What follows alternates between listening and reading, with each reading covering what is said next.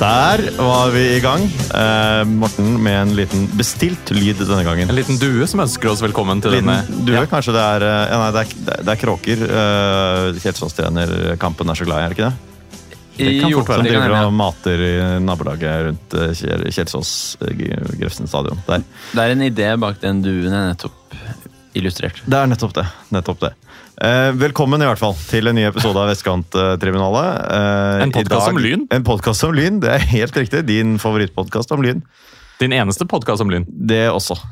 Eh, I dag er ikke Alex her, og da blir det jo litt mindre punch og brøling i, uh, i introen. Men Mer dette er kurring. jo mer kurring, selvfølgelig. Håper jo det veier opp, da. Ja. Eh, men dette er likevel en eh, episode med jævlig godt humør. Ja. Det er det. Og tiltro. eh, og det er faen ingen grenser for hvor mye jeg har gledet meg til å snakke om den siste uken som har gått i Lynland. En av de bedre ukene. Eh, definitivt en av de bedre. Hen imot den beste. Um, og med meg i dag da, så har jeg duefantast Morten Røise Myhrvold. Takk, hei. Hei.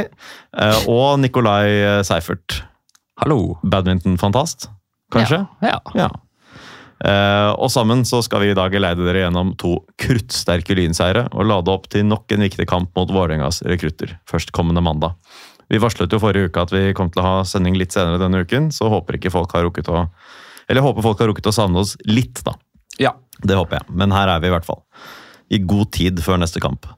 Ehm, først så tenker jeg at vi kan snakke om, eh, snakke om hva som har skjedd siden sist. Vi skal ikke bruke altfor mye tid på det i en uke hvor det er såpass mye deilig fotball å snakke om. Men vi får sneie innom det, og da syns jeg vi må begynne med å fortelle, da. Det er jo ingen hemmelighet nå at eh, Alex har blitt pappa for andre gang. sant. Det sant. Og derfor er han ikke her i dag.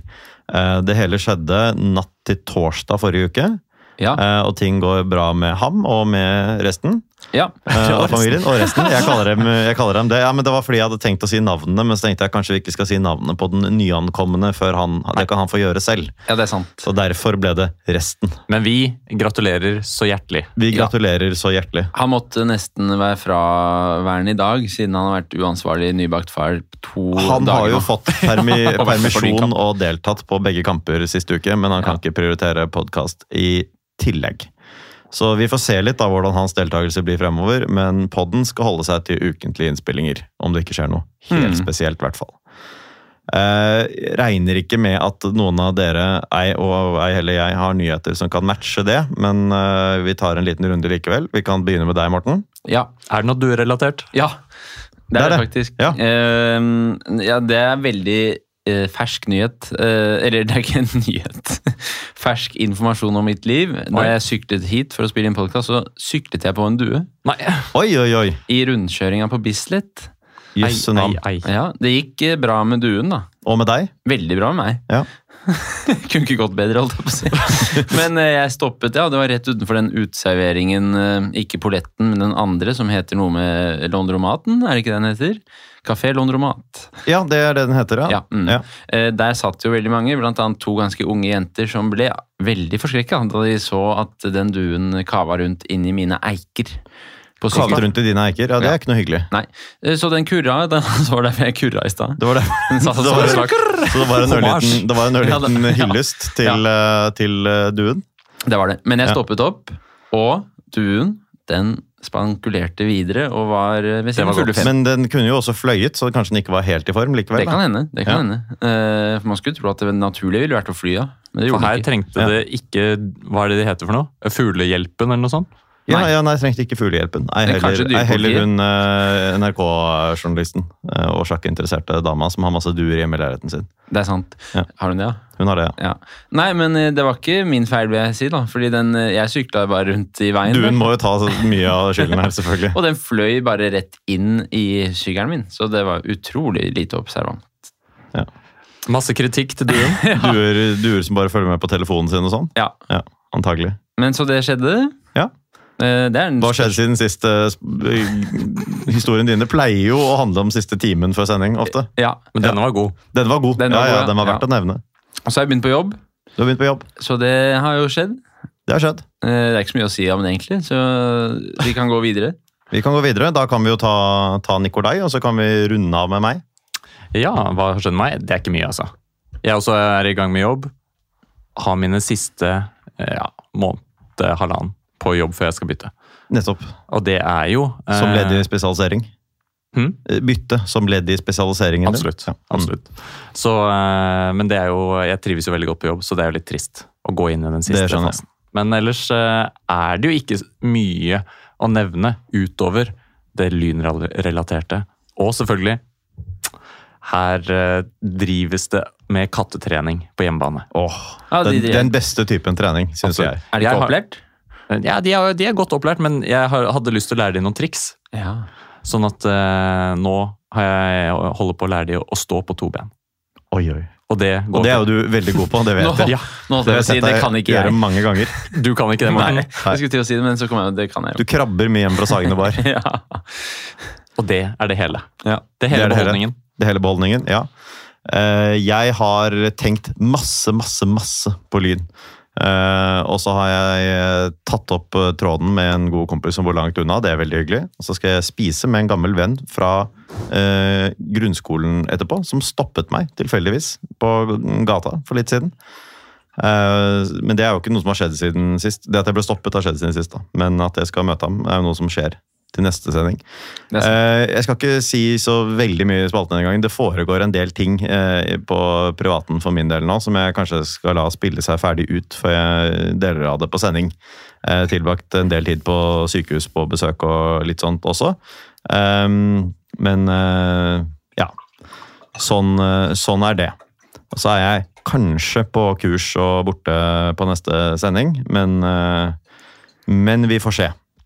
Kanskje fyker du også inn i en leiebil, har jeg hørt rykter om. Det kan også være for å få meg en, eh, få meg kamp på mandag. Ja. Vi får se hvordan det blir. Men eh, det er det som har skjedd eh, siden sist for min del. Og da kan vi gå videre og ta noen lynheter. Jeg heter Katinka Fri Sandberg, Og jeg heter Julie Urde. og du hører på Vestkanttribunalet. Og i dag så er det en temmelig fyldig uh, lynhetsspalte. Skal ikke bruke så veldig lang tid på hver av dem, men det har skjedd litt i klubben siden sist. I hvert fall gitt også klubben to ekstra dager da, å finne på noe på, sammenlignet med vanlig uke. Vi kan jo innlede med det som har skjedd i uh, A-stallen med spillersigneringer og avganger. Uh, vi snakket vel sist om eh, Rasmus Isegran, om at han var på vei inn. Men så ble det bekreftet mellom innspilling og publisering, tror jeg, forrige uke. Mm. Um, vi lovet ham jo da egentlig på sending, men vi får nå ønske ham hjertelig velkommen. Han har jo faktisk vært involvert i to A-lagskamper siden han eh, signerte. Ja. Uh, og det er en tillitserklæring, det. Selv om han vel kom inn etter 89 og 90 minutter da, i de to kampene. Så er det i hvert fall han vi har hevet innpå for å trygge Ja, Tydelig at eh, man stoler på hans uh, kvaliteter, og særlig da kanskje også i luftrommet, for å stange Ja. unna på slutten. Absolutt, og det er jo, er jo Han kommer jo inn i sånn sett liksom litt vanskelige situasjoner også, hvor det er snakk om å holde unna mot eh, godt organisert og samspilt motstand, og i et uh, forsvar som han ikke er vant til å være en del av. Så det er en, det er en tillitserklæring. Mm. Um, andre vei, uh, ikke andre vei da, ikke til hans tidligere klubb, men, uh, men vi har også hatt en spilleravgang siden sist, og det er at Henrik Lene Olsen har takket for seg i Lyn. Uh, en, ja, i hvert fall i, i nyere tid så må han jo kunne kalles en, en legende. Nesten seks år i klubben, Mm. tidligere gjest i podkasten. Ja. Um, har vært veldig skadeplaget. Kom fra Brumunddal i eh, Det var tidlig i 2018, så, så det er i hvert fall fem og et halvt år. Endte på 54 eh, obligatoriske kamper. De fleste av dem da de, de første, første par sesongene. Og så har det vært veldig mye skade, da. En korsbåndskade som, eh, som holdt ham unna veldig lenge. Velger da å ta turen nå til, eh, til Heming og har allerede debutert der ved å skåre begge målene i en 2-1-seier over Kjelsås 2. En Yes. klubb som jo Lyn møtte i fjor. ja. Så det er jo gledelig i hvert fall da, at han har fått en, en pangstart i en ny, ny klubb. Nå er jo ikke, det er jo litt trist at det ble heving på ham, da, men, eh, men de, han skjøt dem da egenhendig opp på tabelltopp. ja. Opprykksplass i fjerdedivisjon, så det er vel vanskelig å få en bedre start enn det. Og så tyder jo Heming på at han eh, da fortsetter å være til stede i vår by et område, i et område mener jeg, som gjør det naturlig at han kanskje blir å se på noen lynmatcher. Det kan absolutt være, ja. Mm. Han uh, har mange, mange venner, han. Både på tribune og på bane. Så vi får tro at han uh, fortsatt blir å se på Bislett. Mm. Og det er, jo, altså det er jo en spiller som har vært med i noen spesielle sesonger.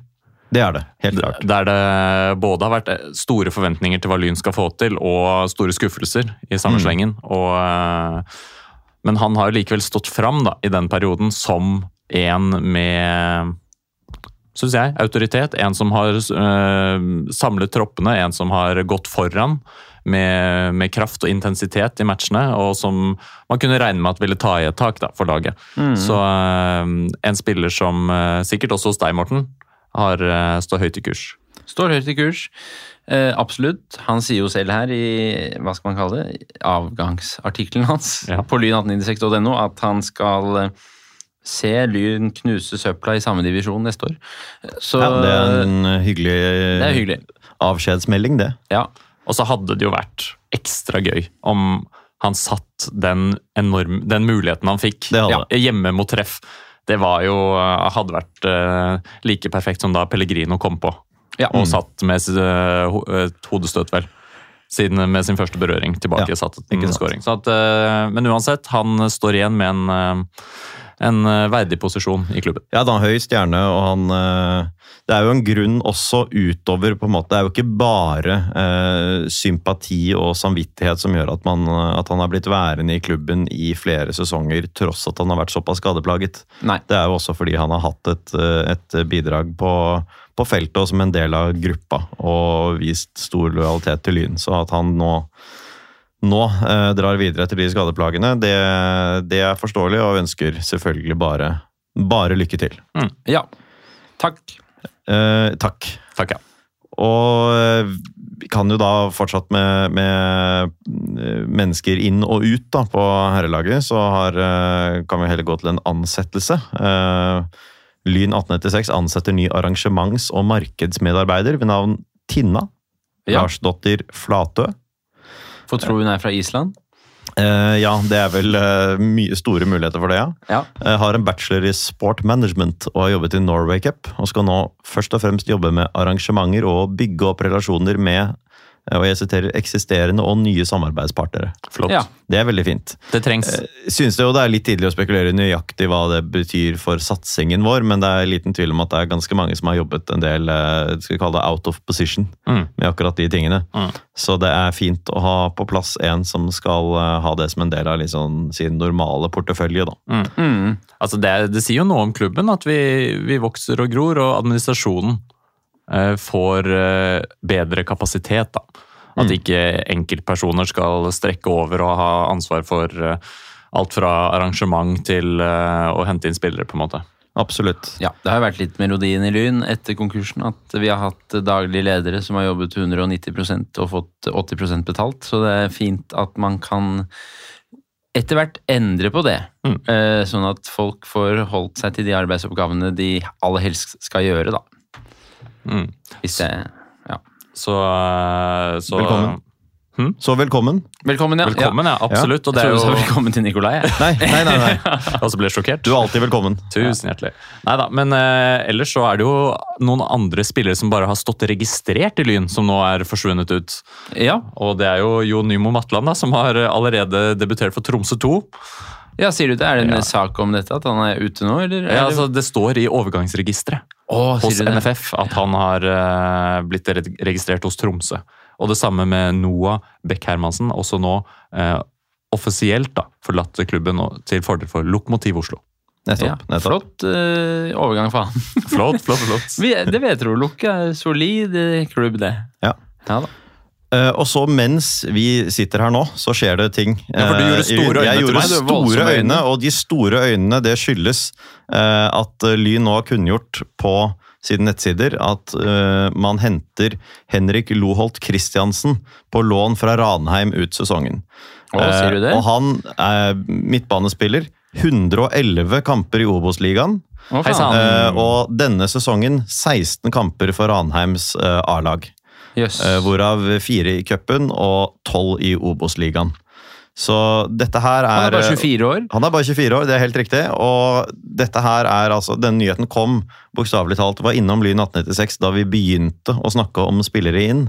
Eh, og innen vi var ferdig med denne spalten, så har altså denne nyheten blitt publisert. Hmm. 72 eh, Obos-ligakamper for eh, Ullkisa og 39 for Ranheim. Og et innhopp i Eliteserien. Og et innhopp i? Eliteserien. Ja. Altså, her må jeg bare Nummer én. Dette er en eh, utrolig solid forsterkning. Helt klart. Og nummer to Hvorfor eh, kommer han til Lyn nå? Altså, hvorfor, hvordan, Hvis han spiller så mye i Ranheim, så er det nesten forbausende da, å, å tenke seg til at han skal hit. Kanskje skal han studere, ikke vet jeg.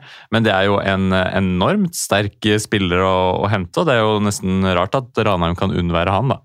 Ja, det er, eh, det er i grunnen litt overraskende, men det skal ikke vi spekulere Nei, tusen i. fordi takk. eh, jeg vil ikke at de skal begynne å tenke sånn. Nei.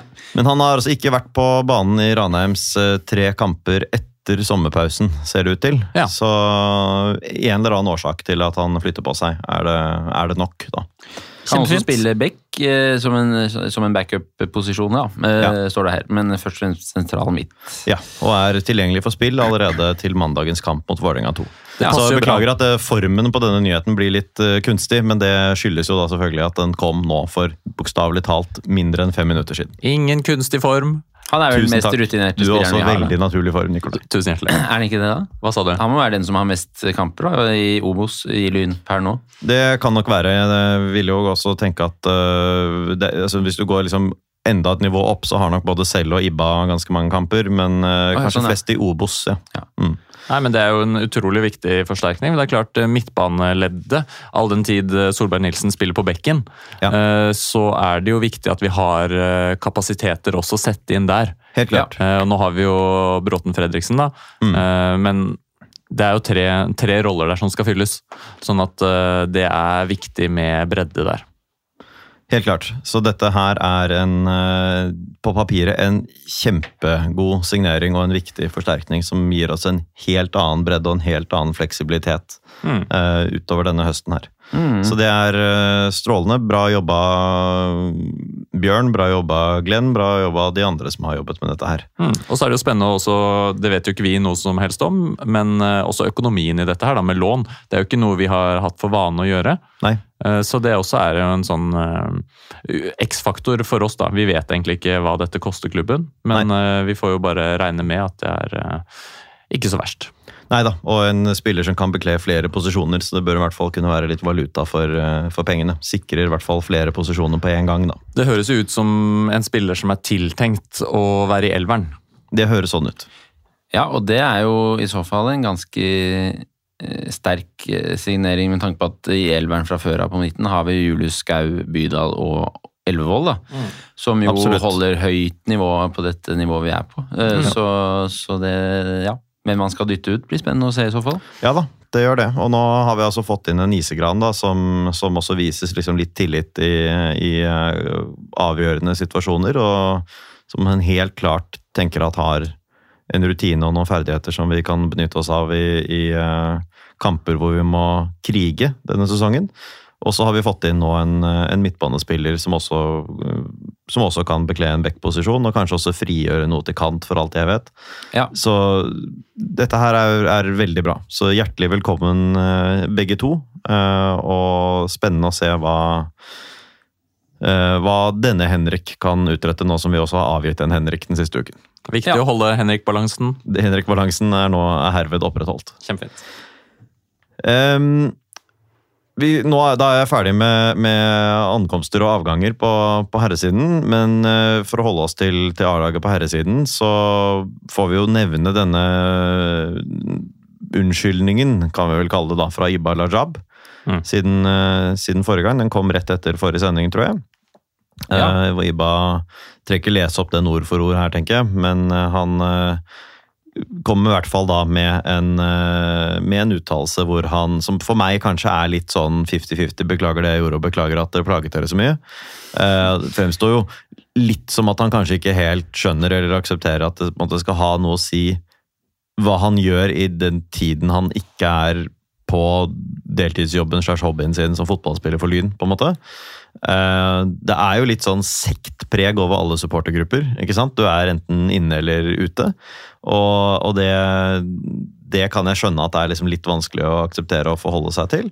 Og så er jo sånne miljøer også helt åpenbart en kjemperessurs. da. Det er jo supportermiljøet i Lyn og litt den inngangen og lidenskapen som også skiller Lyn fra andre klubber. Du får liksom ikke alle de positive sidene ved å spille for Lyn kontra andre klubber som roter rundt i bredden i all evighet.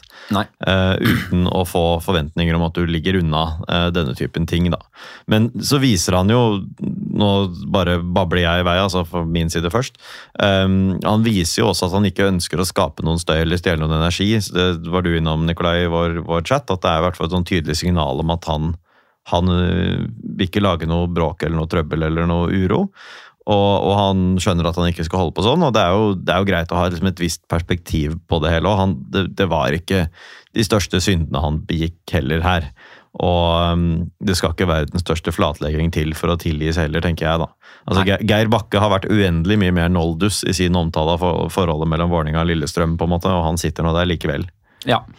Det er eh, greit å tilgi dette. Eh, så kan man selvfølgelig ta unnskyldningen eh, Altså tenke at den var ekteført eller ikke ekteført, da, men det viktigste er vel kanskje at den kom, og at han tilsynelatende i hvert fall forstår hvorfor folk blir sure, og det er jo kanskje også et poeng, da, at han eh, skjønner at han, han mener jo det er, ingen, det er ingen i Lyn som tror at han er en Lyn-supporter. på en måte. Det er ikke derfor Neida, han spiller i. Lyn. Og vi vet at han har et forhold til Vålerenga og sånn, men ja, han har lært at han ikke trenger å si det høyt på TV. Ja. ja. Nei, men det er akkurat det at, han, at det kommer en beklagelse før seriespillet går i gang igjen. Mm. Så slipper vi at det blir noe buing fra tribunen og noe mer oppstuss rundt det, som potensielt kan stjele energi og bli en greie i gruppa internt også. Det Ja. trenger vi ikke.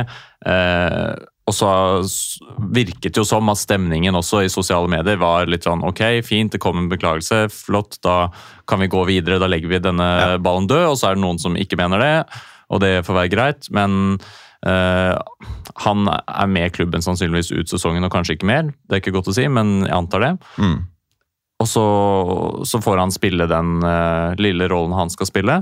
Uh, men det er viktig likevel at de som er i klubben, ikke lager støy og stjeler energi. Og Ja lager problemer ut av noe som eh, Altså, Vi trenger ikke det inn i Nei, den høsten nei som kommer nå. Og, og det, jeg tenker at, dette, jeg tenker at dette får være greit nå, ja. Nå tenker jeg at nå har, nå har Stående felt også med, på litt humoristisk vis i går eh, på en måte strukket ut en, eller tatt imot den hånden som Ibba strakk ut, da, ved å synge litt sånn humoristisk om at han uh, hater eh, hater enga, og det er det vel ingen som tror at han, Han oppriktig gjør. Han, han, han gliste og klappet tilbake igjen, og Ja. nå er stemningen god, og det er ingen grunn til at den skal bli noe annet igjen eh, nå heller. Og han er jo, det har jeg også det jeg går også, har påpekt før, at han, han virker jo også som en ganske sånn ålreit type. Altså, Ja. han er jo den, eh, det er mange som er flinke med det, men han er jo e- helt eksepsjonell på det å liksom uh, hilse på kids etter kampen. og han er, liksom, han er veldig god på det. Han virker som en liksom ålreit type. Jeg tror ikke han lager noe trøbbel i troppen på noe som helst vis. Nei, og han har Så- et veldig godt forhold til Halvorsen. Mm, det har Halvorsen har jo Ja. rost han opp i skyen, så Ja. sånn sett er det også fint å ha han der. Og så skulle det jo vise seg, da, i går, på denne deilige aftenen på ja, Grefsen Eller, ja, det er en passe fin aften. Veldig flott Ja. vær først, og så ikke. Men uh, han har noen ferdigheter som likevel kan komme til uh, nytte. Ja. Det, mer om det senere. Mer om det senere. Ehm, For å nevne damelaget, det blir ikke noen egen spalte eller noen, uh, noen sånn annenhver kamp der, for damene har fortsatt sommerferie, men de spiller treningskamper. Nå sist, på fredag, så ble det en 2-0-seier over Stabæk på Nadderud. Eh, Jeg har ikke sett den kampen, men 0-0 til pause etter en relativt jevn førsteomgang etter sigende. Og med kun én utskiftning i pausen for Lyns del, så ble det 1-0 ved Jenny Olsen på et langskudd, og etter hvert en visstnok svært fortjent 2-0-skåring ved Anna Åhjem. Ja. Siste kvarteret så var det ingen av lagene som hadde en eneste spiller på banen som også hadde startet kampen, så da skal vi ikke tillegge det så veldig mye vekt, men det ebbet altså ut med 2-0. Ja. Og 2-0 mot Stabæk, det er meget sterkt, og vi holder også nullen mot et eh, godt lag, da, selv om det ikke var et toppet Stabæk i 90 minutter, så holder vi nullen Mm. mot et bra lag her. Mm. Og et lag eh, på en bane vi har strevd eh, ganske mye med. Absolutt, vi har strevd med Stabæk nærmest uansett hvor vi har møtt dem, og enda mye mer borte enn hjemme. Så det er Veldig gledelig og et, et godt tegn. Det er en god gjennomkjøring som bør gi litt selvtillit innom at uh, kanskje man i høst da skal kikke seg oppover på tabellen og ikke nedover. Ja. Så øh, andrelaget på damesiden er faktisk i gang med serien igjen, da. Eh, Litt uh, pussig at det er motsatt sånn. Vant 3-0 over Bjørnevann, som de vel skal uttales. Bjørnevatn, som det skrives. Som vi jo kjenner godt fra herresiden. Mm. Med blant annet Joshua Lyn Reeves med. Cornelia Fladberg, Emil Ludvigsen, Emma Amundsen. Flere førstelagsaktuelle spillere. ja. Jeg skal også nevne andrelaget og juniorlaget på herresiden. Eh, Andrelaget spilte mot Fagerborg og vant, hold dere fast, 8-4. Oi! Ja. Um, Et resultat. Holdt på å si tennissifre, men det er det jo ikke. Det er vesentlig, Du har vunnet settet lenge før du eh, tar åtte. Ja. Så hat trick av Jørgen Sangholt. Sang, Sangholt, Sangholt, ja. En jeg tror 2005-modell, som jeg tror vi skal se litt opp på fremover, har eh, målsnitt godt over én eh, i eh, aldersbestemt, på aldersbestemt nivå. Ja. Så det kan være spennende. Martin Solli skåret to. Eh, laget var liksom på papiret ikke så ekstremt sterkt heller, så dette er en god seier å ha med seg. Apropos Martin Solli, så har jeg ikke forberedt noe til spalten Martin Solli. Nei, nettopp. Eh, Da kan du fortelle hvor mange mål han skåret nå mot Fagerborg. To. Det er riktig. Ja. Helt riktig. Um, Fagerborg stilte med bare fire innbyttere og ligger nå nest sist. Lyn gikk forbi dem, så vi, det er ikke kjempesterk motstand, kanskje, men vi skal være happy. Ja. Så neste kamp er hjemme mot sterke Gryner på Kringsjå eh, førstkommende tirsdag. En kamp vi da ikke rekker å fortelle resultatet på i neste sending heller. Kan jeg skyte inn en ting? Gjør det! Skyt inn! Lyns jenter 19 Ja, de tok seg videre til kvartfinalen de i eh, NM for jenter 19. gratulerer. Ja, men Det er jo morsomt. Ja da, 3-0 i går mot Sandefjord. Det gror godt, Veldig bra. også på damesiden. Veldig bra. De har jo, Jenter 19-laget vårt har jo tidligere vært både i finale og kommet seg godt Ja eh, fram i NM. så det Jeg var ute i på Telenor Arena. På Ja, ja, kamp en gang, husker jeg. Det, Det var flere som var det. der. Ja, det var, jeg var ikke alene der. Det er helt riktig. um, juniorlaget på herresiden, da, G19, eh, slo som ventet Kongsvinger hjemme 3-1. Nå er det ikke ny kamp før mandag 28. august. Da er det Asker i Oslo-mesterskapet. Uh, underlig at de er med der, for så vidt. Jeg vet det er fotballkrets, da. Eh, Så er det sekspoengskamp mot Fredrikstad torsdag 31. Eh, Lyn ligger nå på tredjeplass, men ett poeng bak eh, førsteplassen med én kamp til gode. Så her er, det, her er man med i kampen. om- Og Fredrikstad er på første? Ja, om de er på første eller andre. Det er i hvert fall ett av de to som ligger rett foran. Det er Spennende. sterkt. Det er sterkt. Absolutt. Ja, vi, det hadde vært gøy med et opprykk. Det hadde vært gøy med et opprykk. Det hadde det. Jeg vet ikke hvordan det fungerer nå, da, for nå er det jo sånne egne serier, og du må søke om og ja, Det er Ja. Regler for det der. Kødd. Kødd. Det er jeg enig i. Det er det jeg hadde av nyheter. Det var ganske mye, sånn sett. Men uh, har dere noe å føye til, gutta, eller skal vi bare ta fatt på herligheten? Herligheten. Vi tar, vi tar fatt på den. Jeg er Psycho, og jeg elsker frikadeller og lyn. Nei, dette er uh, deilig. Dette er deilig. Nå skal vi snakke om både Lyn Egersund og om Kjelsås Lyn, og vi begynner da selvfølgelig på, eh, på Bislett på lørdag. Sjukeste kampen. Altså, jeg, jeg, først så skal jeg, jeg skal begynne med en eh, liten historie om meg selv. Altså, ja. Nei, eh, altså jeg, jeg trenger ikke gå i alle detaljer på lørdagen min, men jeg var jo på kamp i dress. Og jeg vet at eh, det er en og annen på tribunen som lurer på hvem vi er, og særlig hvem som er hvem av oss. Så han i dress og grønt slips på stående felt mot Egersund, det er i hvert fall meg. Det er deg. Eh, Det var veldig mange som skulle stoppe meg på veien og spørre om hva, hva greia var. Ja. Jeg har aldri hatt det så varmt før i hele mitt liv. Nei, for det var pent vær. Det var pent vær, og det var veldig varmt helt oppe under taket. Ja, ja. Så takk til Anders Gridsol som tok med drikke til meg. ja han Og gjorde det, ja. lykke til i København, hvor han nå flytter. ja. Lykke til, igjen. Ja. men for en kamp. Eh, litt koselig med fans og blussing fra Egersund, selv om historiens dyreste busstur ble avlyst. Ja, Var den så dyr? Ja, de hadde dyrt, lagt opp, ja, de hadde lagt opp sånn, Hvis så så mange påmeldte, så koster det bare 1200 kroner. Altså Det var helt sånn Oi, Ja. Så det er en supportergruppe uten særlig sterk økonomi? Det tror jeg det er. Og det var kanskje klubben. klubben. Ja, det var vel det var han, han, han der, Hva er det han heter? han? Matteus? Han eh, daglederen? Babyen, som Alex kaller ham. Som Alex kaller ham, ja. Eh, Så ja, det var eh, veldig dyrt det jeg hadde lagt opp til, og det ble ikke noe av. Men det var, møtte jo opp en del fra Okka by, som de tror de kaller det der nede. Ja, Eh, likevel. kanskje ja, men de var en liten Ja, eh, de- delegasjon, de. De var det, og de blusset og alt mulig rart. Og de varmet opp på Scotsman? Scotsman. Det var eh, i, eh, i karakter for folk som kommer inn til eh, Oslo, det. Ja. Men eh, de var jo ikke de eneste på Bislett, for det var, eh, det var litt overraskende for meg. Jeg tenkte jo at her er det fortsatt liksom på tampen av ferien, og det er et litt sånn uvanlig tidspunkt. Kanskje det ikke kommer så mange, selv om kampen i seg selv er enormt viktig og spennende. Der tok jeg feil. Ja, det var eh, fett på stående felt. Altså. 1500 bikka vi. Ja, Ja. gjorde det. Og Det er solid. Og det, det, det var nok 1500 der også. ja, det var ganske bra det var, eh, på langsida vår. Ja, det var veldig, veldig bra. Og det jo det Og det stående feltet var Ja, var jo det. enormt. Det er akkurat det det var. Å stå på det feltet når det er så tettpakka fra eh, fra liksom bunnen av feltet og helt opp til taket, siste rad, det er utrolig kult. Og du hører også lyden, hvordan det bærer utover Bislett og runger og gir ekko fra andre sida der noen ganger. Det er altså så utrolig deilig. Ja. Og for min del også en uh, liten glede at Pauk-sangen var tilbake på tribunen igjen. Det er en liten stund siden sist. Ja, Men den er du glad i? Den er jeg glad i. Ja, det, Ja. det skjønner jeg. altså. Den runger bra. Den gir jo veldig, veldig gjenklang. Veldig. Så kjempebra. Uh, og kampen, da. Uh, rekker jo overhodet ikke å sette seg før Egersunds eh, innleide keeper spiller ballen rett i et lynben. Altså rett i beina på en lynspiller, han er et stykke unna. Var det Skaug? Ja, ja.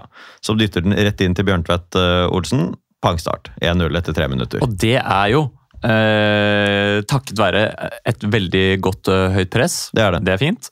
Men også den pasningen fra Skaug der, som Mm. går altså Direkte.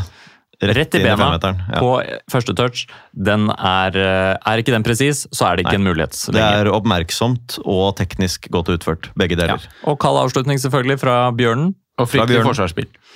Fryktelig er det. Og det var flere ganger, altså det skjedde minst to ganger til i løpet av matchen, at eh, de prøvde å spille seg bakfra, og Lyn sto høyt, mista Mm. ballen, ble store sjanser. Ja, Det var sjokkerende å se, egentlig. Egersund, som eh, da har vært en klar serieleder, som da altså caller det til noe så voldsomt i Mm. utspillingen bakfra der. Så ut som Lyn eh, mot Kjelsås, nesten. nesten. Nesten. Og det, det er ikke til å tro at de kan holde et så liksom, lavt nivå. Kanskje var det gressbanen som gjorde at det ble vanskelig for dem, men Det kan være, men de spiller på gress selv også, ikke sant? Ja. så det er jo ikke uvant for dem heller. De er Nei, det- vant til å kontrollere ballen på litt ujevnt underlag, det skulle man tro. Mm. Og det kunne jo, og burde jo kanskje, blitt større muligheter ut av de andre. For det var som du sier, Morten, flere situasjoner, både i første og andre omgang, Mm. der de skulle spille seg ut. Og det var nesten overraskende at vi ikke fortsatte å stå Ja. så høyt og, i presset mot eh, det de litt sånn shaky midtstopperne og bekkene deres bak der. Absolutt. eh, Og de utligner jo allerede etter et kvarter, eh, drøyt kvarter, med et relativt pent uh, pasningsspill, litt sånn uh, klikk-klakk. uh, der. Eh, kommentator var helt fra seg. Altså, jeg var, på, jeg var jo på Bislett, jeg, men jeg har sett gjennom, sett gjennom litt på, på nett, og han uh, hyler og skriker fælt over hvor fantastisk det var. Ja, han gjør det, for Ja, jeg syns at det var et ganske tamt forsvarsspill av Lyn. Ja, det var si. det også. Det, det ser jo pent ut med liksom sånn trekanter og sånn, men det var jo det var liksom én trekant og et par pasninger til. Ja, De ble ikke pressa stort før de nærma seg 16 Gjorde ikke det. Og Sivert Strangstad får da banke ballen i mål fra en sånn 12-13-14 meter, vel. Ja. Og det er en god nok avslutning, absolutt. Det det. Men det er også en upresset avslutning. Det er en upresset avslutning, helt klart. Eh, og Alex Pedersen har ikke, gode, har ikke store muligheter til å nå bort på den, da. Selv om den, eh, hadde han stått plassert en meter til siden, så kunne det hende. Mm. Men det, det viser jo på en måte også en eh, sårbarhet, for vi, vi ligger jo da med alle på rett side idet det angrepet begynner, Mm, og de spiller seg eh, rett gjennom. de gjør det. ja. Men vi møter Nei, altså, det, er et bevis på at eh, dette Egersund-laget er det beste laget jeg har sett Lyn spille mot eh, i år i serien. Eh, Det tenkte jeg på ganske tidlig i matchen, at, at her møter vi et helt annet lag enn eh, vi har møtt på ganske lenge. Og til tross for disse forsvarsfeilene, da, så var det tydelig at dette var et samspilt topplag som utmerket godt kunne ha vunnet på Bislett, eh, egentlig. Det, det sier seg jo selvfølgelig selv når man vet at dette er et lag som frem til da hadde tapt én kamp i andredivisjon i år, men det, altså, de er så miles above alt vi møtte i fjor, liksom. Altså. Ja. sånn, uh, da vi tenkte at Nordstrand her er litt tøft, eller vi, vi, vi slet liksom med å bryte ned noen motstand en gang iblant, selv om det på mange måter var en parademarsj i fjor. Men det er så stor kvalitetsforskjell på det her, og det å se da Lyn faktisk klarer å være helt på høyde og i liksom banespillet markant bedre da, enn Ja. en betydelig del av kampen mot et sånt lag. Det er altså så gledelig. Og med relativt mange spillere som også var med i tredjedivisjon i fjor, som kollektiv, eh, og for så vidt også individuelle ferdigheter, så har man tatt store steg, altså. Men Alex Pedersen måtte også ut i full strekk eh, og gjøre en dobbeltredning helt nede og eh, virkelig liksom blokkere med, med kroppen nede ved stolperoten og, og alt mulig. Og Egersund var jo farlig på én corner senere i omgangen, og etter pause farlig på ganske mange cornere. Sto sånn Ikke bare alene noen. på Nei, nei, nei. Og på, på øh, Fikk stå på liksom bakre stolpe, på lengste stolpe på corner, og burde virkelig ha blitt noe ut av det, da. De var jo tydelig et godt lag. De trykket liksom på i deler av første omgang, men vi hadde jo også muligheter. Ja. Så Altså, det her er jo en match der Lyn totalt sett er best i banespillet, som du sier. Men Egersund, også den muligheten du refererer til der, det er en åpen avslutning på bakre stolpe. Den skal settes, og de kommer jo altså til Nesten alle cornerne deres ender i mm. Eh, at en eh, spiller får gå opp og med et, mer eller mindre press. et hodestøt mellom 20 mer cm og 1 meter utenfor. og fra fem meter og inn hedde eh, mot vårt mål, og at det ikke blir noe mer ut av det, det er jo bare å takke seg og prise seg for. For der kunne de, og burde de jo, de burde jo ha skåra både ett og to mål der. Ja. når det kommer til såpass store muligheter. Så at der var det jo veldig, veldig sterke da, i luftrommet, så det ut til. Ja, absolutt. Og 1-1 til pause er jo, er jo greit, egentlig. Ja. Det syns jeg er helt greit. Og det var en kamp som man da også så at kunne sannsynligvis bikke begge veier. Og så var man spent da på om Lyn kom til å ha en av sine svake annenomganger, eller kommer til å, kom til å heve seg eller henge med. Og det, var jo, det er jo noe med også hva er det man har av ressurser på, på benken. For eh, vi snakker jo om et lag som etter en time eh, spilt i denne kampen, hiver på to spillere med eliteserieerfaring. Én med 13 A-lagskamper for Tromsø i år. Ti minutter senere, altså etter 70 spilte, så hiver de inn en med massevis av Obos-erfaring. Og likevel, da, i annen omgang så er det Lyn som har det meste av banespillet. Egentlig det aller meste av banespillet. Vi, har likevel, vi kjører ikke over dem, for de kriger seg til dødballer og truer oss voldsomt på dem. Men spillemessig, liksom Foruten dødballene, da, så er vi det klart beste laget i annen omgang. Ja. Og vi klarer å stå løpet ut. Altså Rett nok så var spillerne våre tydelig slitne, for å si det forsiktig her. Eh, men med de, de ressursene Egersund har på benken og bytter seg inn med, så skulle man tro at vi også risikerte å liksom bli fraløpt og eh, presset tilbake mot slutten av denne kampen. Og det blir vi egentlig ikke på, på noe tidspunkt. Selv om det er ørsmå marginer. Det er ikke mange, det er ikke mange millimeterne med plassering av hodet i en annen posisjon på en av cornerne for Egersund, så leder de, altså. Nei, men det er en helt fortjent seier eh, totalt sett, og en eh, mye mer fortjent seier, spør meg, enn eh, Kjelsås-kampen. Ja da, og det, det Eh, sier, jo også, sier jo også Egersund rett ut, at de var nest best eh, Ja. i toppoppgjøret, og det, det er riktig. mm. Vi bytter jo ingenting før uh, overtid, egentlig. Uh, Isegran kommer inn i det klokka bikker 90 omtrent.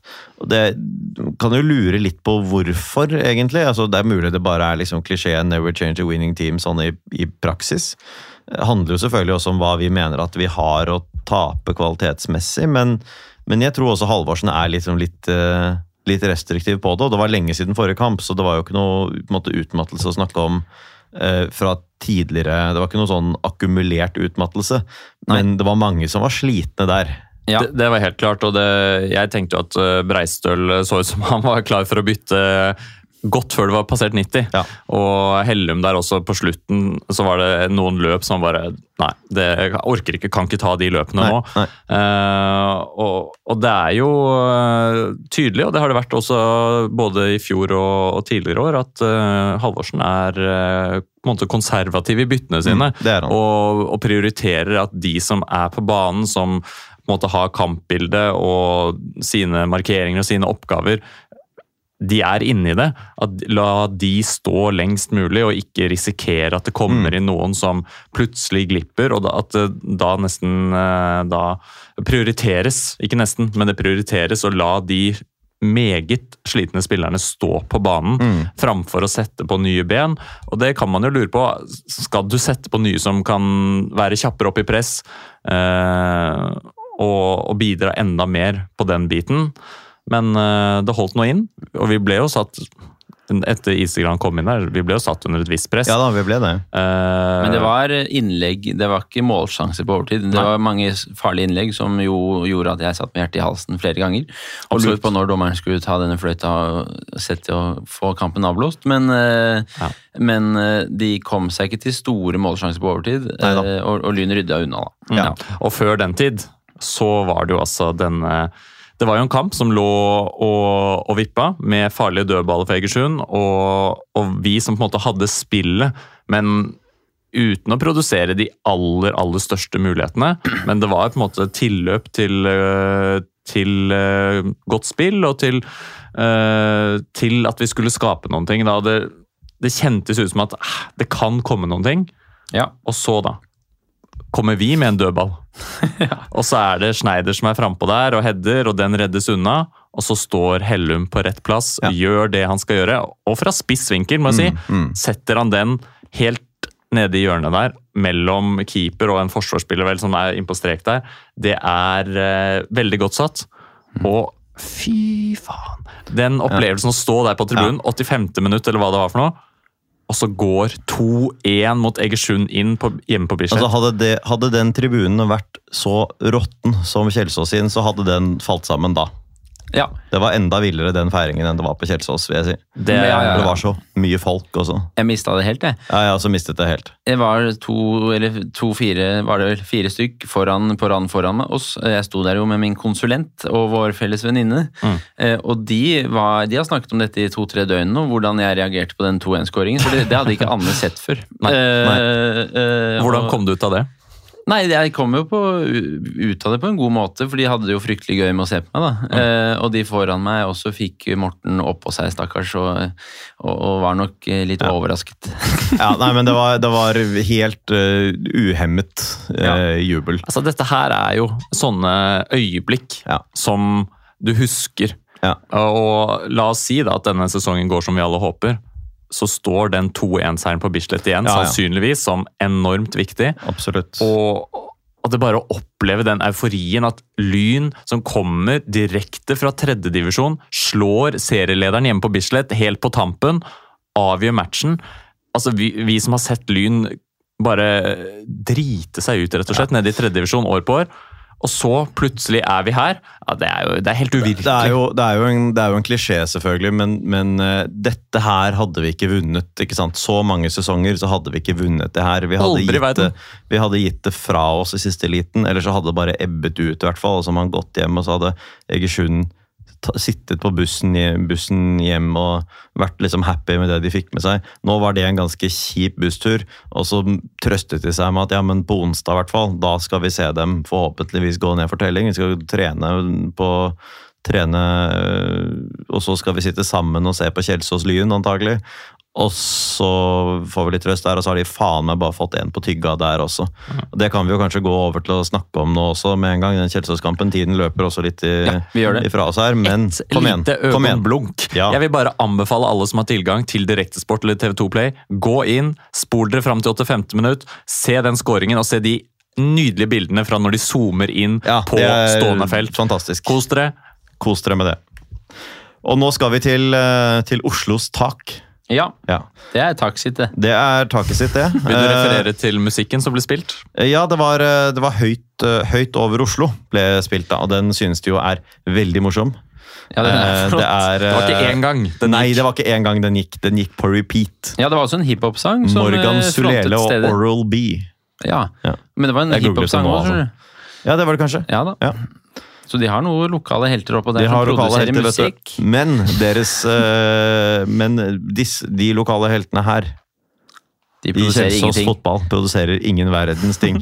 Jeg dro direkte fra kontoret, møtte Nikolai på trikken, tok en øl og en matbit på Bella Bistro sammen med flere lynengasjerte. Det var hyggelig, det. Hyggelig Ja. det. Tidligere ja, visstnok Flamingo for de lokale. Ja, nettopp. Og Ja. så kom Morten også, etter ikke lang tid. Så fikk vi besøk av, av Morten. Yep.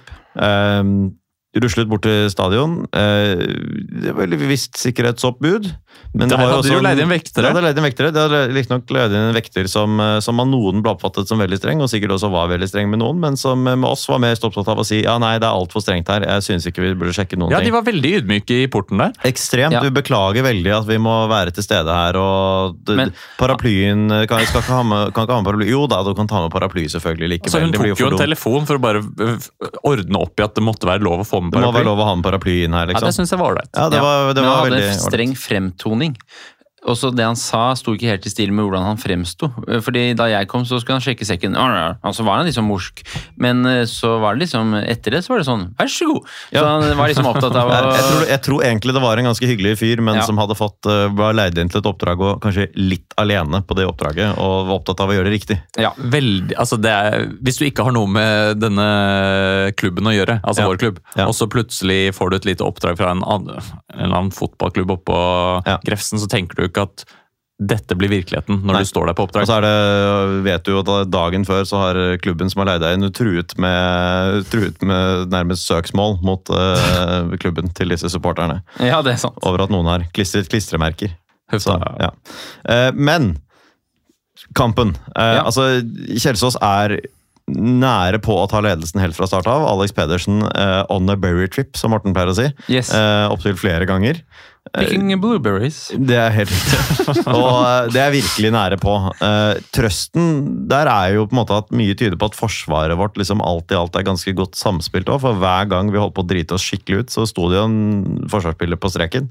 Det er sant. Det gjorde det, og det var jo altså nervøse minutter når, eh, når Pedersen eh, feilberegner stussen i, i Ja. gresset der. Og det, det, banen må jo ta noe av sitt også, selvfølgelig. Det er Ja en dårlig bane, og en banen bane. spretter åpenbart annerledes enn den gjør eh, andre steder vi har spilt. Og, eh, men det ble jo gigantiske eh, muligheter ut av det, og Kjelsås burde ha skåra. Det er jo annet en av de som der de avslutter rett i beina på Pedersen når han er utafor 16.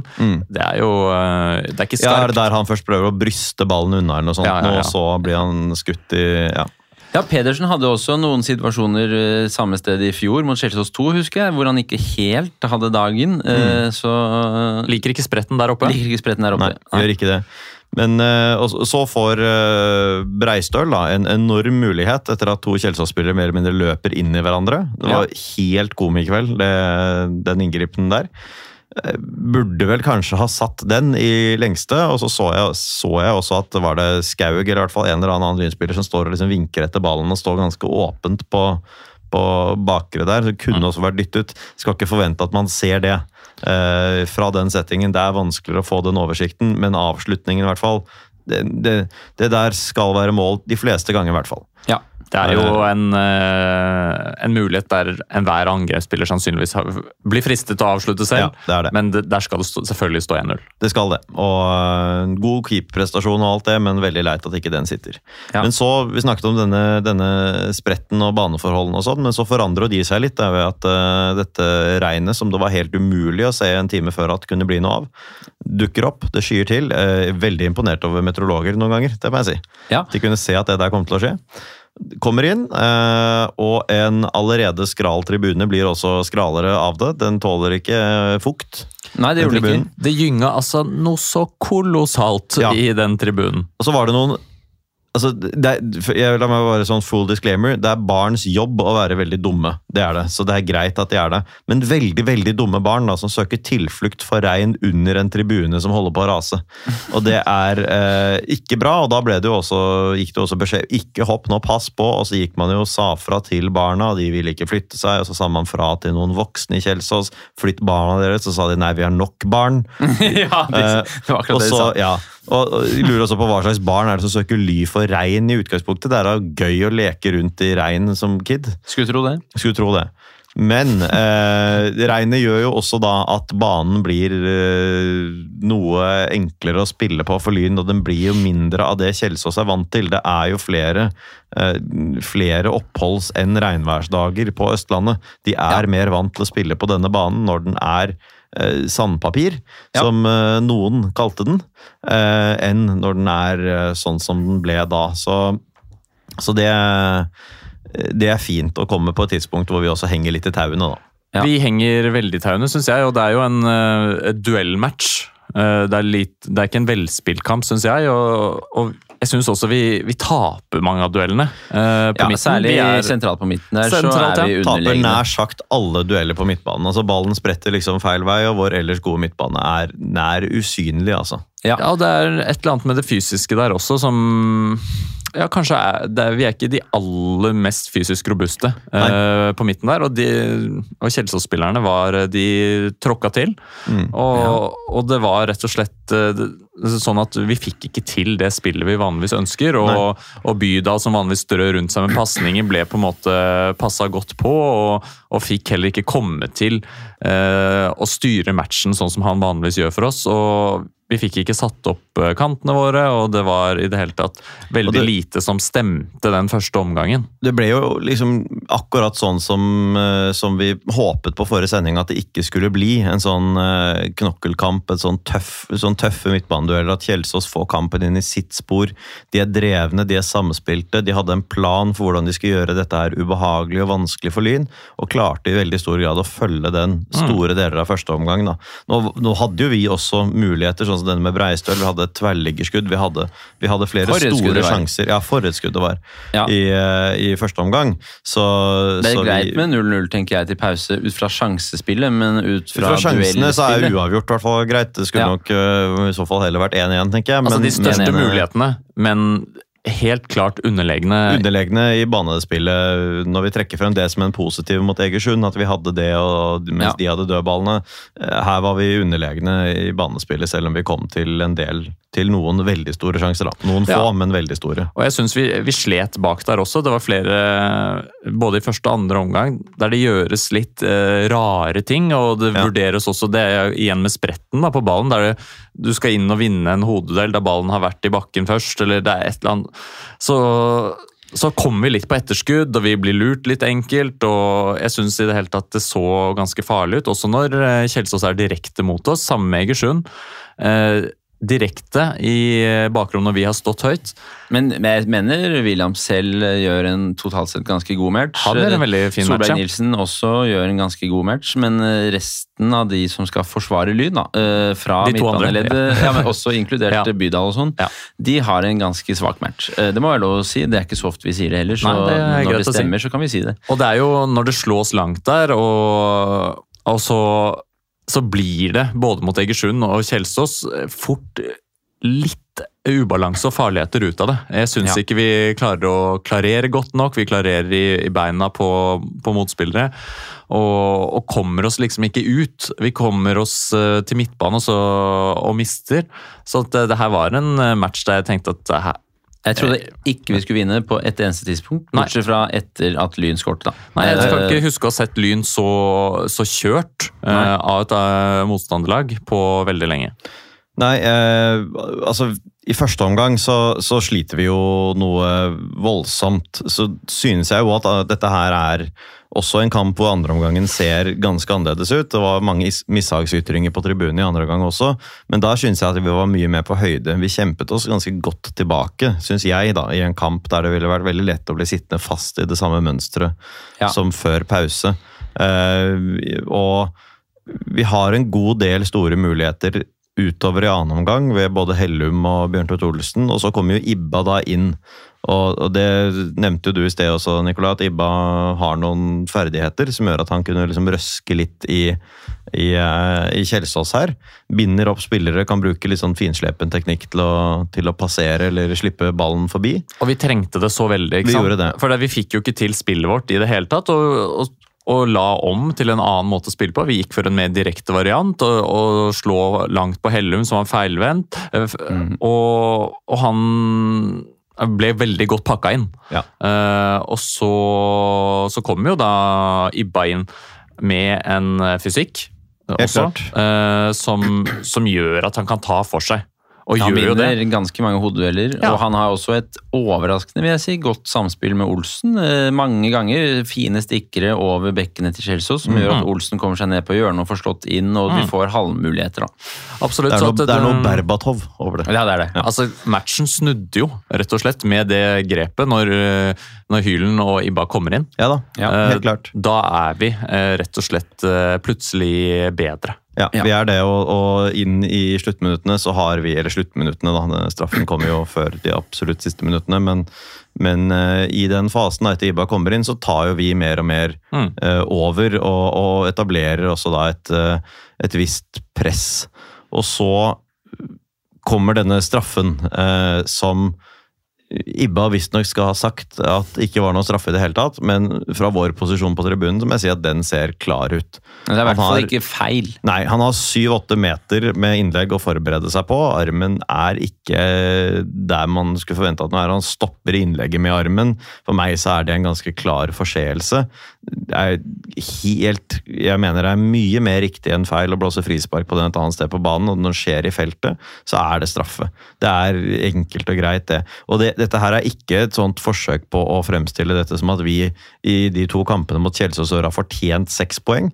Det har vi ikke. Nei. De to kampene, altså Kjelsås har fått så dårlig betalt for det de har levert på banen mot Lyn at de Ah. går av banen med null poeng og 0-3 i målforskjell i de to kampene mot Lyn.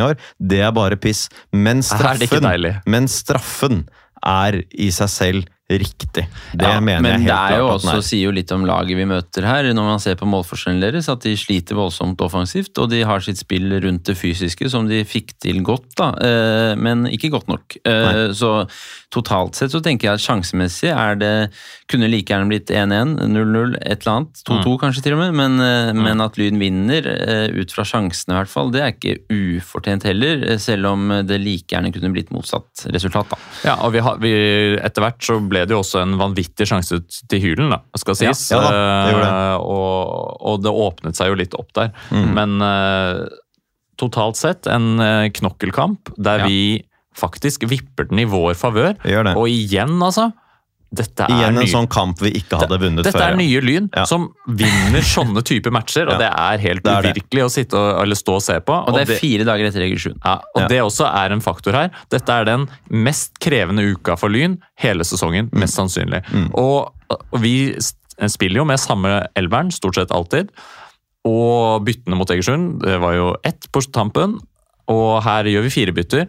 Men det er likevel sier noe om, de, eh, om det laget. At vi klarer å holde nivået mot Kjelsås, som på denne banen har kommet seg og karret seg til semifinalen i cupen. Ja. Det er jævlig sterkt. Det er så mange sterke lag som har slitt der. Ja, absolutt. Og at vi tar den, det sier noe om det nivået som ligger i laget. Og det er også, syns jeg, veldig godt å se da, når det først byttes. Innbytterne våre gjør en eh, veldig solid Ja. Helt klart. Og det inkluderer ikke bare de vi har nevnt nå med Nei. tanke på Ibba, men også denne Eskil Bråten Fredriksen. Grunnen til at jeg lo litt, var fordi jeg lurte på hva han het før sending. Eh, Men hei til deg, Du mente at han het Martin til fornavn og Andresen til Ja. etternavn. Han kommer innpå for, eh, for enten han.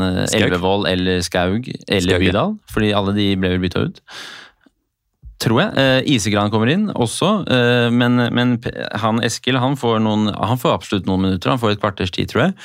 Eh, inkludert tilleggsminutter, og gjør seg på ingen måte bort. Han har åpenbart defensive kvaliteter da, som eh, kanskje ikke helt eh, Elvevold og resten av midtbanegjengen fikk til å stemme i denne matchen, og, og, og har noen lekre pasninger, så det er fint å vite at han også faktisk eh, evner da, å, å Mm. gjøre noe eh, positivt eh, når han kommer innpå for såpass sterke spillere som har gjort seg litt bort i den Og han har jo en intensitet i bena her, og det var litt det jeg var nervøs for. At vi ikke skulle holde matchen ut. eh, Og jeg syns jo tidvis at det var litt At du kunne merke at eh, her er det noen som er slitne.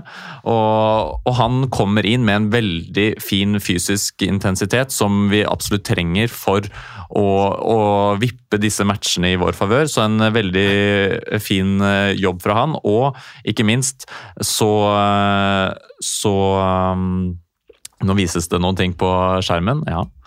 Og, så, så vil jeg bare håpe at Skaug At det går bra med han. Han fikk seg en ordentlig ordentlig trøkk der. Og det er jo en, altså det er helt utrolig at det ikke blir delt ut et gult kort. Jeg, jeg trodde det etter match at det var delt ut gule kort. Det var det ikke. Nei, ingen gule kort. Ingen eh, og det var mange frispark som vi har snakket om. Og Kjelsås spilte tøffere enn Lyn. Det må sies, jeg savnet uh, av og til litt gjen... Hva heter det? Gjen... Gjelse. Ja, Gjelse, ja. Uh, fra Lyns eh, særlig midtbanespillere her. Fordi de ble holdt tilbake, de ble skubbet ned i bakken, de ble tatt tidvis ikke stygt på den måten, men sånn at det totalt sett burde vært to-tre gule kort her for gjentatte forseelser. Men dommer Xavi, Jean Marc, Conny, Leo Mertens Ja. uh, lot seg ikke affisere. Han lot seg ikke affisere til mange, på, mange av oss litt uh, irritasjon. Det For en list han hadde lagt. Absolutt, Ja. det var det. Men, uh, men når det ble som det ble, og tilsynelatende gikk bra med Skaug, vi Ja. får tro det, så kom vi unna uten suspensjoner, eller nærme oss det, da, og Mm. tre poeng. Det skal vi sånn sett være fornøyd med. Det ebber jo ut uten det helt store Kjelsås-presset også. Vi, eh, altså, var nervøs. vi- Selvfølgelig kjempenervøs, kjempenervøs likevel. Men det ble ikke noe trøkk. Det var jo nervøsitet fordi vi ledet 1-0 og kanskje ikke helt fortjente det. Og det var altfor mange tilleggsminutter. Absolutt, det var det. Det var, eh, det var jo lagt til fem minutter, og han blåste av på fem blank, tror jeg omtrent. Men det var ubehagelig likevel. Ja, Så Jeg var jo egentlig veldig positiv før de kampene her, og veldig rolig på tribunen i går også, men det var jo litt fasade. Eh, og objektivt så er dette kjempesterke prestasjoner. Altså Nå har vi sittet og pratet i eh, like over en time. Jeg foreslår, hvis vi ikke har veldig mye mer å legge til nå, at vi går videre og snakker liksom litt om tabellsituasjonen og hvor deilig det er. Jeg vet, ja, dere skal få lov til å si én ting hver før den tid. Også, men vi skal da så ta en liten pause. Ja. Jeg vil bare få skyte inn. Jeg tok ordet først. Morten. Det var greit. Det er rett og slett bare opplevelsen av å være på bortematch når lynfolk blir trøkka sammen. Folk som vanligvis kanskje ikke er på stående felt, står sammen med, eller blir dytta sammen med, kjernen i bastionen. Det syns jeg er rett og slett så deilig når lynfolk blir trøkka sammen, og alle Kanskje de som vanligvis sitter, som vanligvis ikke synger eller bidrar så mye sånn, også blir dytta med og får en helt annen opplevelse. Det er en annen opplevelse for oss alle når det er tettpakka. Ja og det er så deilig å oppleve som supporter. Det, Det det bringer det- gode minner tilbake til min aller første bortetur. Eh, ordentlig bortetur. Oi. Borte mot HamKam. Og da også var det, det var min nå. Min, min òg, egentlig. I 25, altså. Med blussing og sånn. ja. Da var det altså eh, 2006, tror jeg det kanskje var. Så, så seks, tror jeg. også. Da var det altså så tettpakka og så gøy å være på match, og det er den opplevelsen som også får Altså, Folk får lyst til å dra på match igjen, og Ja. det er helt nydelig. Og folk lærer seg sanger vet du, når de blir tvunget til å stå der. De blir tvunget. Og nye forsangere som synger 'Alle gutta' og det, ja, det er mye greier. Det er mye greier. Kom igjen. Ja, nei, Jeg vil bare avslutte dette her med å hylle også eh, en eh, fyr ved navn Anders Bjørntvedt Olsen, da, som For en spiller. vi var eh, ikke udelt positive en del på tribunen i fjor i løpet av vårsesongen til ham, men for noen steg han har tatt i løpet av høstsesongen i fjor og i løpet av denne vårsesongen. Han har Vel, jeg vil påstå at han kanskje var banens beste i går. Mm. Han var en av de som skapte mye, og han har kanskje vært vår beste spiller i hele år. Ja. Eh, virkelig blitt eh, også tatt nivået på en så eh, god måte etter at eh, han ikke hadde en veldig sterk vårsesong i fjor, da. Eh, så det er det bare å glede seg Det er bare å ta seg hatten. Det er enorme prestasjon fra han, og vi får bare håpe at eh, han ikke forsvinner fra klubben. For på match var det jo også en viss Strømsgodset-trener. Jørgen Isnes, var der. Forhåpentligvis for å scoute noen Kjelsås-spillere, da. Ikke, ikke ta får noe fra oss. Det får vi tro. Nå skal vi gå videre og snakke egentlig om mye av det samme, da, men Ja. snakke litt mer om tabellsituasjonen. Hei, jeg heter Espen Hoff, og du hører på Vestkanttribunalet. Og det dette betyr da for tabellen, er at Lyn eh, kryper tettere på Egersund. Eh, puster Egersund ordentlig i nakken. To poeng bak med én kamp mindre spilt, og den hengekampen vi har, den er mot jumboen Brattevåg. Og altså, jeg vil bare eh, sette liksom scenen litt da, for denne høstsesongen nå. De to lagene som vi har møtt to ganger, eh, og er ferdig med, det er Egersund, og det er femteplassen Kjelsås. Og så har vi møtt Brattvåg, jumboen, null ganger. Og alle andre én gang. Så det er det vi har igjen, at vi er ferdig med to veldig tøffe lag. Og har en måte, bonus da, ved at vi skal møte det på papiret så langt svakeste laget, som riktignok også har, ser ut til å svinge en del i nivå, da. Eh, to ganger. Egersund på sin side de har møtt Brattvåg og Lyn to ganger. Lyn er selvfølgelig tøft, men eh, har møtt Brattvåg to ganger er ferdig med dem. Eh, og det er ingen lag de eh, ikke har møtt foreløpig. Det må jo kunne sies å være en fordel med det kampprogrammet som er igjen, at vi har igjen to kamper mer mot Brattvåg og én mindre mot Kjelsås Ja. enn det Egersund har. Og det er en ytterligere fordel at de har igjen Arendal borte, mens vi har Arendal hjemme. Så skal vi riktignok også til f.eks. Notodden, i motsetning til Egersund, men det er vanskelig å hevde annet enn at Arendal borte nok er enda litt tøffere. Så av den motstanden som er igjen nå, så er vi har det noe enklere enn Egersund. Vi har ett poeng og en del mål på Egersund hvis vi vinner den hengekampen mot, uh, mot jumboen. Og vi er i bedre form enn dem. De har, det er ting som taler til Egersunds fordel også, hvis man ser på, ser på stallen. Og de er også et knallsterkt lag, helt, eh, helt klart. Vi er nok temmelig jevne på mange måter, men det er veldig mye som ser veldig bra ut nå. Har, det, alt vi har tenkt og fablet liksom om eventuelle opprykkssjanser og alt mulig, har vært liksom ja ja, hvis vi vinner de to kampene der, liksom, hvis, eller hvis vi tar fire poeng der, da er vi virkelig med. Vi tok seks poeng på de to kampene. Ja, jeg Og sa vi jo tok før da tre poeng bort fra Egersund i Ja. prosessen. Jeg sa jo før disse matchene at jeg var fornøyd med fire poeng, eh, og Ja. regnet med, eller på en måte, hva heter det, budsjetterte med uavgjort mot Kjelsås og seier mot Egersund. Eh, så jeg er selvfølgelig strålende fornøyd. Ja. og så skal det også sies at Arendal på en måte nå etter hvert er eh, ikke akkurat hekta, da, men vi er jo helt åpenbart store favoritter til å kapre kvalikplassen. Hvis vi ikke rykker opp, så har vi en luke ned til Arendal eh, som gjør at vi på en måte kan begynne å glede oss til i det minste en kvalikkamp, eh, og i det beste en opprykk. Det, er jo, eh, det var jo sjokkerende at Arendal kunne tape 3-0 for Brattvåg. Ja. Det var så oppsiktsvekkende at jeg måtte inn og, og se. Jeg Ja. ser jo av og til noe litt sånne obskure ting. Og Brattvåg Oi sann. Brattvåg var altså, som jumboen i avdelingen, klart bedre enn Arendal i store deler av første omgang. Det er altså sjokkerende å se. Og Brattvåg tok Arendal på høyt press. Det vet vi at Lyn også er gode til. Når Arendal kommer til Bislett eh, om noen uker, så er det altså gode muligheter, tror jeg, for å stanse Arendal, på samme måte som vi også fikk mål mot eh, Egersund på. Her er det bare å stå høyt, fordi dette Arendal-laget de har sine svakheter. Ja. Og eh, selv om de absolutt burde ha skåret mot uh, Brattvåg og kanskje til og med henta seg inn igjen, så gjorde de ikke det. og Det er en kjempesvakhet, og det så også ut som det uh, spredte seg noe frustrasjon og misnøye uh, blant spillerne. Sånn Ja, og, at, um, og Arendal, altså på tross da, av at de, de taper den kampen der, så er det jo likevel sånn at de rent statistisk er et litt sånn utpreget hjemmelag. fordi på bortebane så har de bare vunnet tre av syv kamper. De vinner under halvparten av bortekampene sine. Vi har til sammenligning vunnet fem av våre syv. Det er ikke spesielt sterkt. Det er samme bortestatistikk som det var et Haugesund har.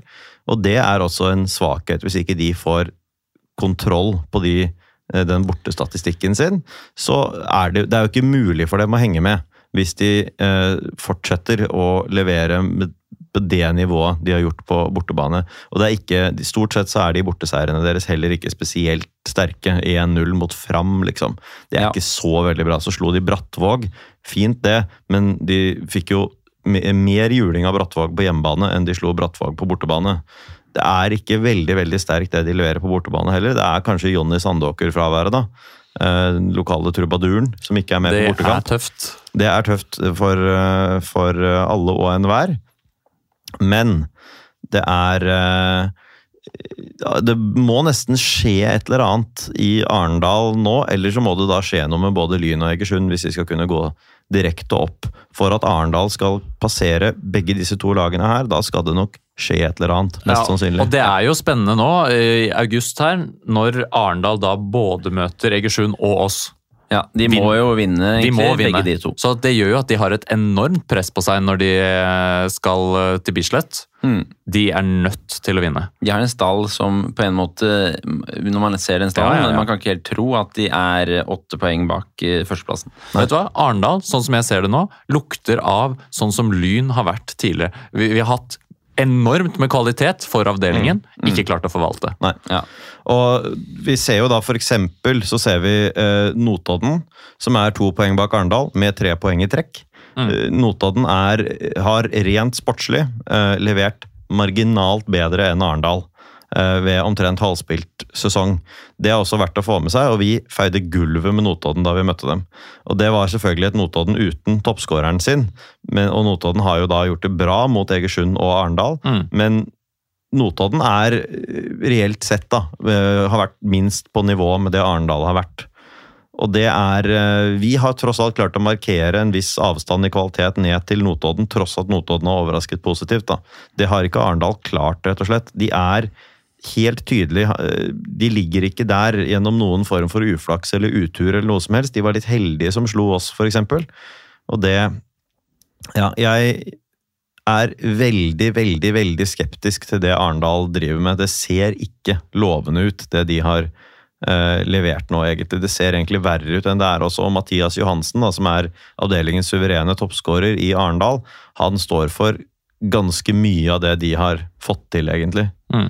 Og det skal sies nå at i matchen mot Brattvåg som de tapte, så, så skapte de jo rett og slett ganske enormt med sjanser utover i matchen, og, men likevel da, setter ingen mål. Og det så rett og slett ut også som at det kladda litt på, eh, rett foran mål der. Dårlige avslutninger og lite flyt mellom de på topp. Og de hadde jo også satt inn sin nye signering fra start. Mm. Eh, Det, det så ikke bra ut. Det er klart det blir bedre utover høsten, men det er jo gunstig at de akkurat per nå, når eh, de skal til Bislett, ikke ser ut til å være på sitt aller skarpeste. Nei, og, og for en Jeg vil heller ikke da eh, underdrive betydningen liksom rent sånn psykologisk da, av det som har skjedd med Arendal og Egersund nå de siste dagene. De har sett at det er dem selv, hverandre og Lyn dette mest sannsynlig står mellom. Eh, og så ser de da at Lyn skal ut i tøffe kamper. Egersund ser at de har mulighet til å stikke kjepper i hjulene og ha, sørge for at de har alt i egne hender. Og så har de mulighet til å få hjelp, en eh, hjelpende hånd fra, fra Kjelsås. Det ble også kommentert på Egersunds, Egersunds fotballs eh, Facebook-side om at liksom, ja, nå håper vi på hjelp fra Kjelsås. Mm. Og vi vet at det, det skjedde ikke. Og Arendal også, som hadde mulighet til virkelig som knappe innpå, de vi håpet sannsynligvis i hvert fall ikke på Egersund-seier på Bislett Nei. for å kunne komme nærmere, og så gir de bare bort den muligheten. Og det gjør de jo før vår kamp er ferdig, så får de bare se, etter de har gått i garderoben etter den skuffelsen, at vet du hva Det hjalp, det hjalp ikke noen ting at Lyn vant den kampen, for nå er, det bare, nå er de bare på etterskudd over vis-à-vis oss i stedet. Nå ble bare kvalikplassen lenger unna, liksom. Det er fryktelig demotiverende, for det må jeg er temmelig sikker på at de satt og fulgte med opptil flere i både Arendal og Egersund i går, og så Lyn ta den seieren som vi var så Jeg husker jo selv hvor frustrert jeg var da Egersund klarte å krige seg til 1-0 på Grefsen, de også. Mm. Nå gjør vi akkurat det samme, og nå er det Egersund som er på etterskudd. Nå er det der presset ligger. Men eh, vi hadde en mer fortjent seier enn Egersund. Det hadde vi. Egersund jo vir ble jo virkelig liksom ja, overkjørt da, på grensen.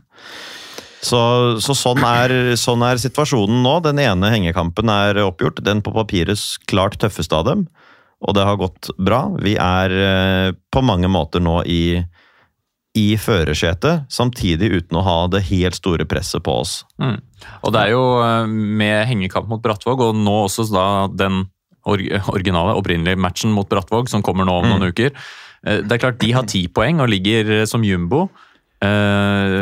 Men de er nok ikke jumbo. De har spilt 13 og ikke 15 matcher, og de har, 10, altså de har to poeng opp til tolvteplassen. da. Eh, De kommer til å ta jeg tror ikke de rykker ned i år. eh, Sånn sett. Jeg brukte jo også litt tid, det er viktig for meg å si dette, før årets, eh, årets sesong på å skryte av Brattvåg, så jeg, det er viktig for meg at de gjør det litt bedre nå på du har litt i dette her.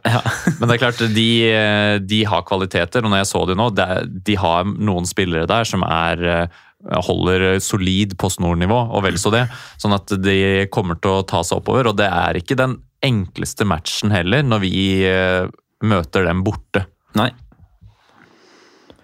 Sånn at eh, ja, det blir veldig spennende er å se nå. mange tøffe kamper igjen for Lyn her, helt åpenbart. Og den Mm. Brattvåg og Treff, de som vi skal spille mot uh, to helger etter hverandre utpå høsten der, det kan være tøft begge deler, det. Det kan være Mm. tøft på Grorud, det kan være tøft flere steder.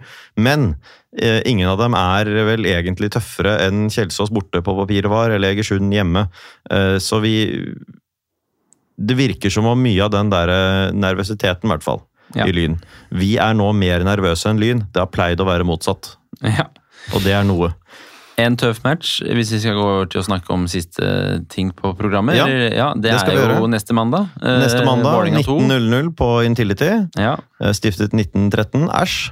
Æsj. Eh, Vålerenga 2, som tok sine første poeng på bortebane denne uken, skåret eh, sitt mål nummer tre og fire på bortebane for sesongen ved å slå Varet Haugesund. Med Ja. seg dit så hadde de bl.a. Magnus Sjøeng og nysigneringen Martin er det Kreuzriegler? Det er riktig. Ja. Eh, samt f.eks. Omar Bulli Og Eh, Christian Borchgrevink. og Christian Borchgrevink. Ja. Og Aron Kiel Olsen tilbake fra skade. ja, ikke sant? Så, så det, det kan jo tyde på at de nå ønsker å prioritere opp andrelaget sitt noe. Definitivt. Uh, og altså der, De fikk jo med seg, tross da, disse spillerne, så fikk de jo med seg et vesentlig svakere resultat enn det vi gjorde i Haugesund. Mm. Det er også greit å ha med seg altså at Lyn er jo i så enormt god form om dagen. Og dersom Vålerenga har tenkt å prøve å hente tre poeng mot oss på mandag, så kommer det til å bli enormt dyrt for et Vålerenga i krise som klubb. Ja. Eh, SPZ inn. Vi holder jo per i dag, så etter åtte strake seire i Post Nord, inkludert noen av de resultatene vi har hatt her, med 4-0-seier og 4-0-seier og 7-0 og disse kampene nå, så har vi nå de siste månedene holdt Obos-nivå. Skal ikke si at vi holder topp Obos-nivå, men vi har, har jo holdt et Vi har vært det klart beste laget i vår Post Nord-avdeling. Ja. Det har vi vært, og det laget går opp til Obos. Og Vålerengas første lag er ikke så veldig mye sterkere enn Obos-nivå i det siste. Nei. Så de skal øh, Jeg betviler ikke at Vålerengas øh, A-stall er sterkere enn vår, altså selvfølgelig er den det, men det er dyrt for dem å skulle sette sammen elleve spillere som de ikke trenger i Eliteserien, som likevel er kapable til å slå oss. Det er vanskelig. Det har de ikke. Nei, og de skal spille borte mot Molde eh, lørdag kveld. Rekker kanskje ikke tilbake til Oslo før på søndag, og kommer trolig til å ligge på, med mindre de da overrasker veldig stort i Molde og får noe hjelp ellers, så kommer de til å rigge fortsatt på direkte nedrykksplass når vi møter andrelaget deres. Ja, og så er det jo dessverre for oss da, nettopp det at uh, førstelaget spiller på lørdag og så mot oss på mandag. Det er jo på en måte en fordel at vi selv slipper å spille på lørdag eller søndag nå når vi har hatt match på onsdag. Så det er en fordel. Samtidig som at Vålerenga da selvfølgelig også kan eh, de, La oss si at de bytter inn på noen spillere som spiller 20-30 minutter for førstelaget. Ja. Også helt da fint kan eh, komme seg i, eh, i form igjen til å være fullt klare til andrelagsmatch. Og de, når de viser det de gjør, må sende eh, fem førstelagsspillere bort til Vard og prioriterer det, så er det klart at de stiller også nå med, med krutt og det de kan. eh, både for å matche dem, fordi at de har flere spillere som må tilbake fra skade. Og, eh, og de trenger jo eh, poeng med andrelaget sitt, og det vil de ta på hjemmebane. Eh, så er det også en fordel for oss selvfølgelig at det andrelaget deres, når de da også eh, klinker innpå noen kanoner fra førstelaget, de er jo ikke samspilte Nei da, de er ikke det. De spiller jo ikke sammen til vanlig eh, med disse her juniorene og Kreuzrigler og kanskje en eller annen latvisk spiss med på kjøpet til 10 millioner. Altså, det er et eh, lag som selvfølgelig har kvaliteter som vi kommer til å møte, men ispedd da juniorer som vi har sett opp mot Lyn før, det holder ikke.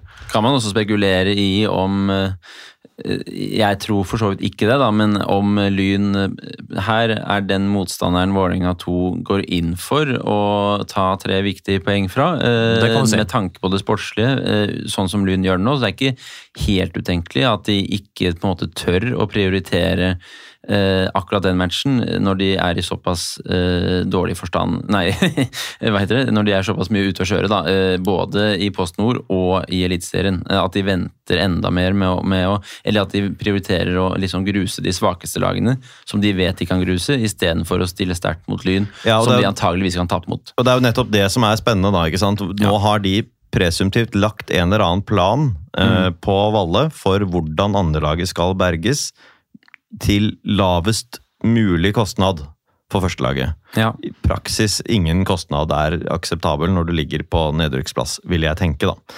Så eh, hva er den planen? Og da er det jo sånn at det er selvfølgelig morsomt og morsomt overfor de nepene fra Vålerenga som møter opp på Vålerenga 2 Lyn og ikke sant? Sånn, litt sånn goodwill hos dem fordi det er de samme som driver og tagger på, på stuevinduet til administrasjonen i Vålerenga og sånn, ikke sant? Og få en seier der for litt goodwill overfor dem. Men det er ganske dyrt da, å ta poengene her. Så det, hvis det er ønske om god matching og Uh, og muligheter for å ta poeng mot Lyn sammenfaller, så kommer de selvfølgelig til å benytte seg av det. Men hvor mye de er på en måte villige til å ofre for å få det til, det er jeg veldig usikker på. Jeg tror ikke de kan tenke på annet enn eget ve og vel nå. Nei, og, og så er det klart, jeg tror egentlig De møter jo Molde nå på et veldig gunstig tidspunkt, fordi Molde spiller eh, Champions League-kvalik og må rotere på laget. Og, så det blir en enklere match for Vålerenga enn det det skulle ha vært. Og så er det jo sånn at de har rett og slett ganske mange spillere på vei tilbake fra skade, Vålerenga. Borchgrevink, som har vært skadet lenge, skal tilbake. Kiel Olsen skal tilbake. Eh, Bully skal tilbake. Og så har de jo da nettopp byttet ut han Storevik med Sjøeng, eh, sånn at Sjøeng spiller for andrelaget nå. Og så har de han Kreuzrigler som er hentet som tenkt, tiltenkt å være midtstopper for førstelaget, men ikke i kampform. Han må spille. Og så har du han der Vitinho, da. De spilte 90 minutter nå sist, alle sammen. Det kommer de til å gjøre igjen, for at de vil ha disse gutta her i kampform til førstelaget uh, utover høsten. Så at det tjener uh, Vålerenga å gjøre det, og de kommer til å gjøre det. Og så tror jeg likevel at uh, selv om de er, det er toppmotivert Vålerenga-lag, så er det jo likevel et enormt sterkt lynlag de møter. Mm. Det er det, og det er et lynlag i en, altså det er et lynlag i en medvind som er helt Går utenpå alt vi har sett i Post Nord. Åtte Eh, på rad. Åtte på rad. Det er så sterkt, og man har så stor tro, at jeg tror rett og slett at dette også, uansett prioriteringer fra Vålerenga, blir fryktelig vanskelig for dem. Ja, det har vel ikke, eller det har åpenbart ikke skjedd, men sist gang Lyn vant åtte på rad, eller ni på rad, hvis det skulle skje nå, det kan jo ikke ha skjedd siden Bredo var trener. Nei, kanskje ikke. Nei, det har ikke det ikke kan oversikt over. være. Vi vant Det jo fryktelig mye på høsten i fjor, men det kanskje ikke så mye. Kanskje ikke så mye, altså. Men vi skal gi oss nå snart. Nå har vi snakket i over en time og 20 minutter. Men vi skal, før vi gir oss, så skal vi tippe resultat Ja. i mandagens kamp. Og vi kan begynne med Nikolai. Oi, Oi. Sånn at vi går sånn oppover i optimisme. Ok. Jeg tror at denne kampen her ender 1-3 til Lyn. Ja, men det er ikke dårlig. Det var det jeg skulle si. Det var det du, du skulle si. Vil du da tenke litt på hva du skal si i stedet, eller vil du tippe Jeg, likevel? Jeg sier 0-2 til Lyn. Du sier 0-2 til Lyn, og jeg sier 4-1 borteseier Ja. til Lyn. Jeg traff jo på Egersund, tror jeg. 2-1, faktisk. ja. Så, men her tror jeg det blir 4-1. Vålerenga bytter seg ned når de ligger under. Og vi knuser dem. Jeg vet ikke om noen uh, følger med på de tipsene vi gir, Tror men her det. var det muligheter det for å tjene penger. Det var og- muligheter for det. Og eh, status internt i podkasten. Du tippa rett. Jeg tror jeg tok uh, rett på Kjelsås-matchen også. Det kan veldig godt hende. Men uansett, jeg håper vi ses på Intility. La oss nå bli ferdig med disse andrelagsgreiene for en gang for alltid. rett og slett. La oss bli ferdig. Håper det er siste matchen mot dem noen gang. Vi ses på mandag. Vi høres neste onsdag, lyttere. Og inntil da så spør vi, eller sier vi Vil du si det, Morten? Ok.